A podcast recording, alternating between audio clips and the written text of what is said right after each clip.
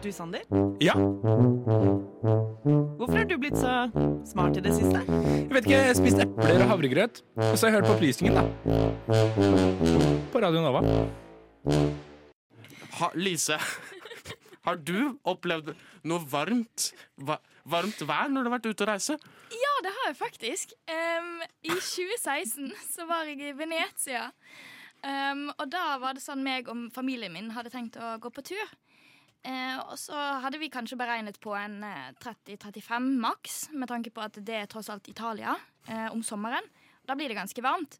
Uh, så jeg hadde kledd meg riktig da, med en litt løs kjole. Søsteren min hadde tatt på seg en ganske tettsittende kjole.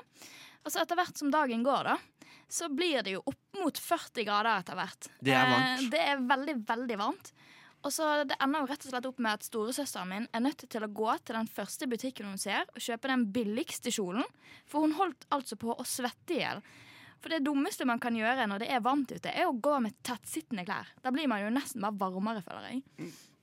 Alexander, har du opplevd noe veldig varmt vær når du har vært ute på dine reiser? Ja, eh, jeg, Det tok meg hele 17 år før jeg kom meg ut av Skandinavia. Og da ble jo min første destinasjon det ble eh, Kreta. Eh, og jeg husker fortsatt den dag i dag veldig godt eh, det øyeblikket jeg går av flyet, som selvfølgelig har deilig aircondition. Eh, du legger kanskje ikke merke til hvor deilig det er før du åpner flydøra og møter gresk tropevær. Og plutselig så går du fra liksom, eh, 20 grader, kanskje til og med 18 grader på flyet, til 42 grader midt ute på, eh, på, på flyplassen. Så eh, ja, nei, eh, det var eh, det var veldig overraskende å på en måte møte det jeg vil kalle en slags varmevegg. Det var litt som å gå inn i en stekeovn, føltes det litt ut som. Ja, for jeg, jeg føler òg ofte at når jeg eh, skal liksom forberede meg til eh, sydentur, ta flyet ned til Syden, så kler jeg meg gjerne etter at det skal være varmt når jeg kommer fram. Men det er ikke et sjakktrekk når du kommer med shorts inn på et 18 grader varmt eh, fly. Eh, Så det kan jeg da absolutt ikke anbefale.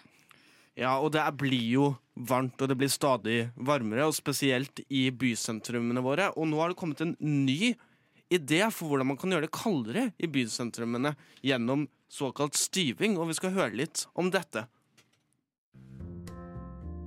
Når du går rundt i europeiske byer som Paris eller London på vinterhalvåret, så hender det at du ser noen litt merkelige trær.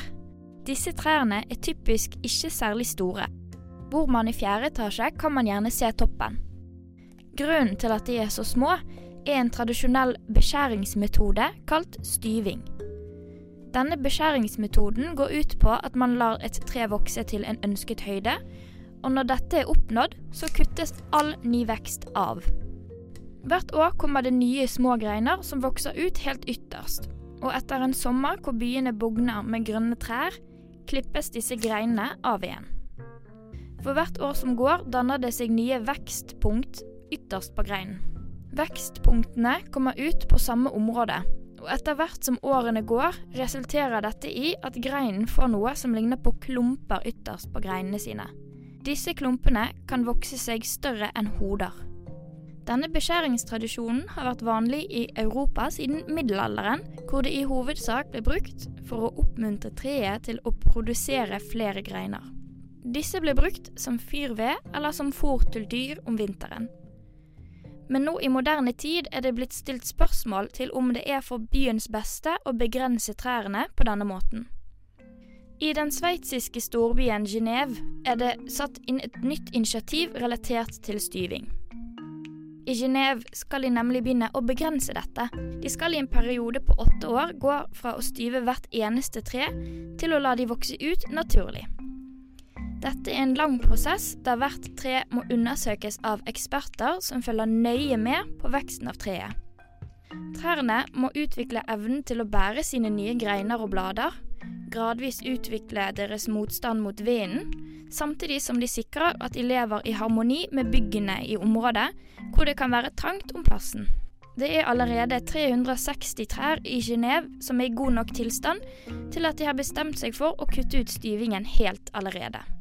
Eventuell påfølgende beskjæring vil bli utført på trærne er pga. veitrafikkhensyn, for å rydde trikkelinjene, pga. deres beliggenhet til bygninger eller helsen til trærne. Det er flere grunner til at byen har valgt å endre denne tradisjonen. Å ha større trær med flere blader leder bl.a. til et større biologisk mangfold i byene, større grøntområder, en tydeligere tilstedeværelse av natur i byene og bedre luftfiltrering. Men det som kanskje har fått mest oppmerksomhet, er at det kan redusere temperaturen i byene betraktelig. I urbane områder, som f.eks. Rue Denset eller Ruud Hoffmann, stiger temperaturen raskt om sommeren. Det oppstår såkalte varmeøyer, hvor temperaturen i det urbane området er varmere enn naturområdene rundt. Det er flere årsaker bak denne urbane varmeøyeffekten, bl.a. at mørke flater som asfalterte veier og gråe bygninger absorberer mer av solens varme, og de store og tettbebygde områdene gjør at det er mindre vind. Det at byen får et økt bladedekke, vil over tid skape kjøligere og mer skyggebelagte områder. De voksne trærne vil gi skygge til tusenvis av mennesker som daglig går i byens sentrum, og som ønsker å nyte det fine været i sommermånedene. Journalisten i denne saken var Lise Benus. Vi, lyden var hentet fra Blue Dot Sessions.